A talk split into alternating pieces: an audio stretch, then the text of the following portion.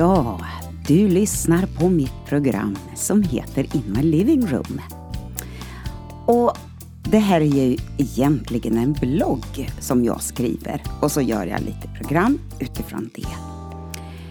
Idag har jag eh, lagt in det här inlägget eh, i en kategori som jag brukar kalla för profetisk tid i min blogg.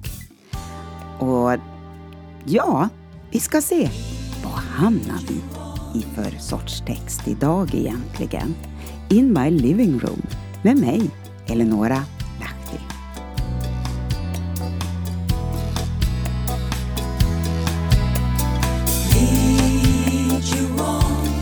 Världen håller andan. Så är rubriken på den här texten. Vilka krafter i tiden. Nu, ja, nu har vi en världsledare som mer och mer utmärker sig som en diktator.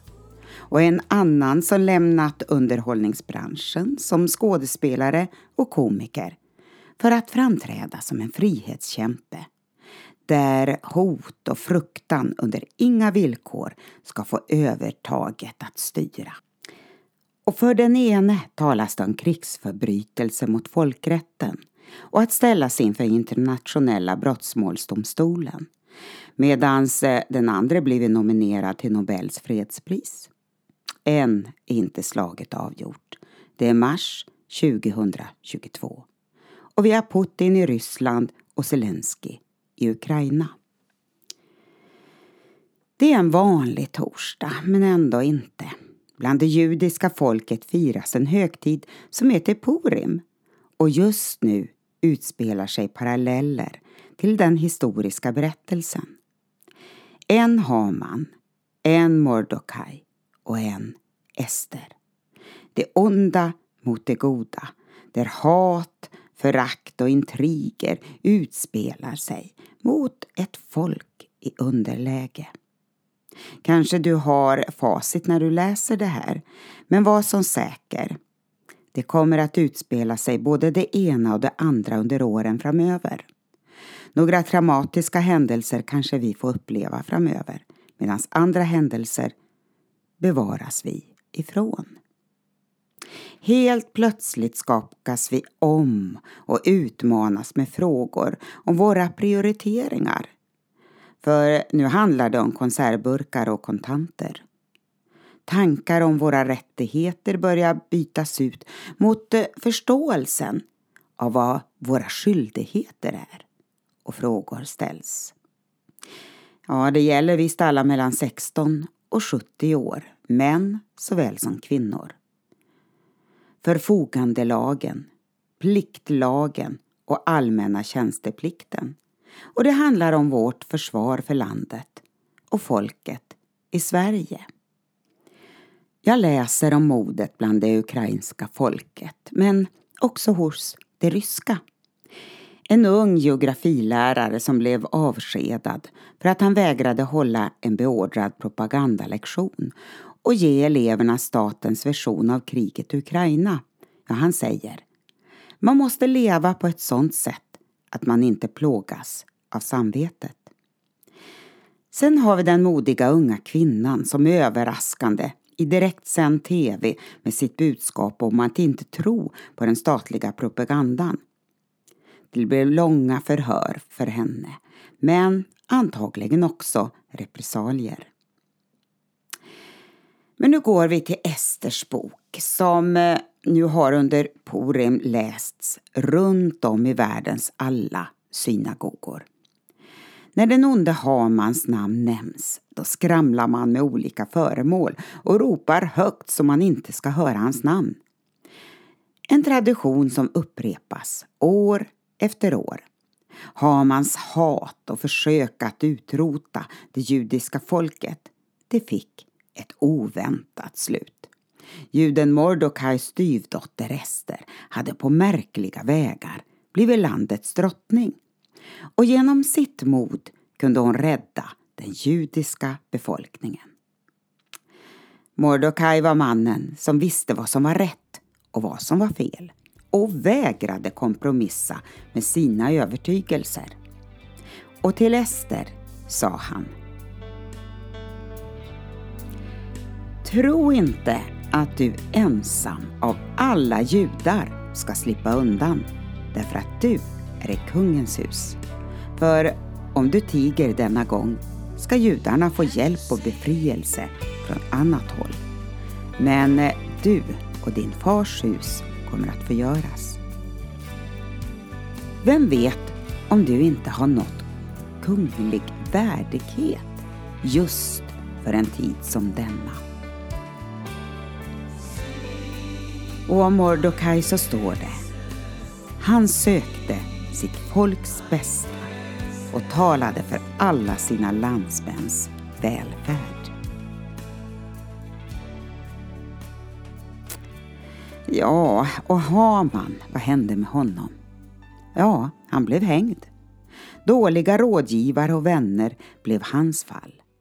De gav råd och förslag som han ville höra. Bland det judiska folket under den eh, babylonska fångenskapen så fanns en tradition att binda brudkransar av myrten.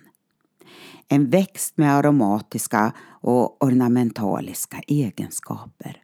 Något som doftar underbart och är dekorativt.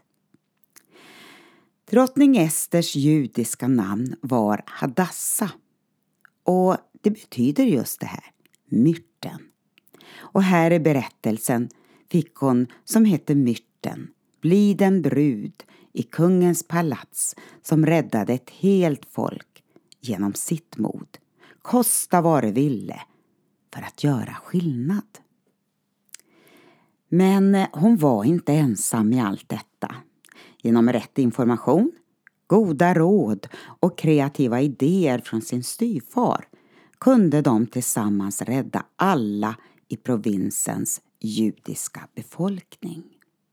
Men eh, så hamnar jag i mina tankar in i vår tid och mitt arbete som kemilärare. Och i årskurs 8 har vi ett område som heter kolföreningarnas kemi. Där undervisar jag bland annat om grafit, aktivt kol, diamanter och fossila bränslen.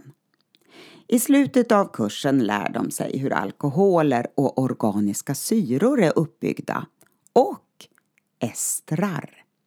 Hmm. Det blir lite fniss i klassen, särskilt om någon av flickorna heter Ester. Men så börjar jag förklara. Glass, godis och läsk har ofta fruktsmaker som vi lätt känner igen.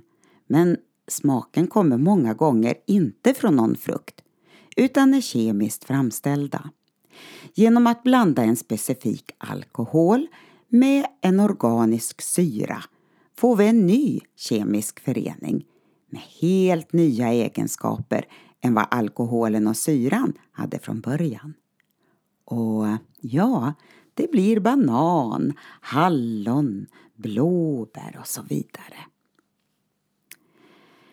Vi kan se i en enkel liknelse hur den mänskliga, ja, ska vi kalla det för syran, den mänskliga syran, som kan vara både frätande och obehaglig, kan få blandas med den helige Andes vin, alkoholen från Gud.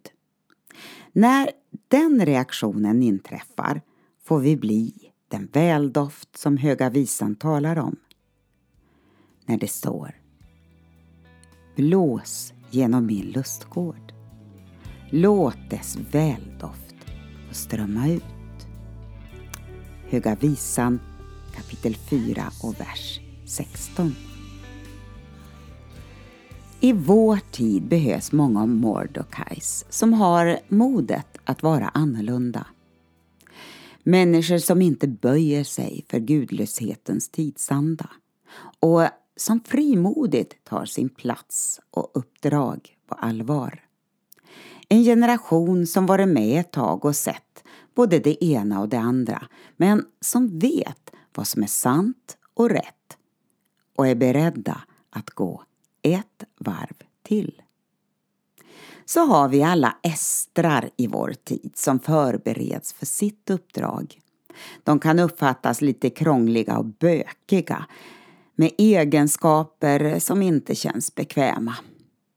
Än har liksom inte reaktionen skett. Men förutsättningarna finns där. Ibland behövs det lite extra tid. Men genom att tillsätta en katalysator kan reaktionen och förvandlingen ske snabbare. Och ja, då ska du veta att en katalysator det är något som startar en reaktion utan att den för, förbrukas. Och då skulle jag vilja säga att vi har två generationer i samverkan. Hadassa var drottning Esters judiska namn som betyder myrten. Men stjärna är betydelsen av namnet Ester. Bland det judiska folket bar hon namnet som symboliserar skönhet och väldoft. Men i den babylonska kontexten där de levde var hon stjärnan som lyste. Mitt ibland ett falskt och fördärvat släkte bland vilka ni lyser som stjärnor i världen. Filipperbrevet 2 och 15. Mordokais reser sig upp och söker folkets bästa och talar för alla sina landsmäns välfärd. Och estrarna, de förbereder sig. För de når kunglig värdighet just för en tid som denna.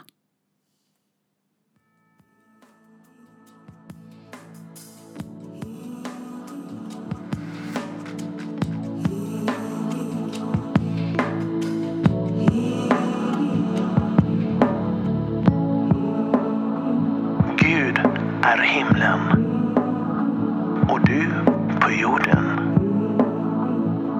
Fruktar du Gud? Predikaren 5, 1 och 6.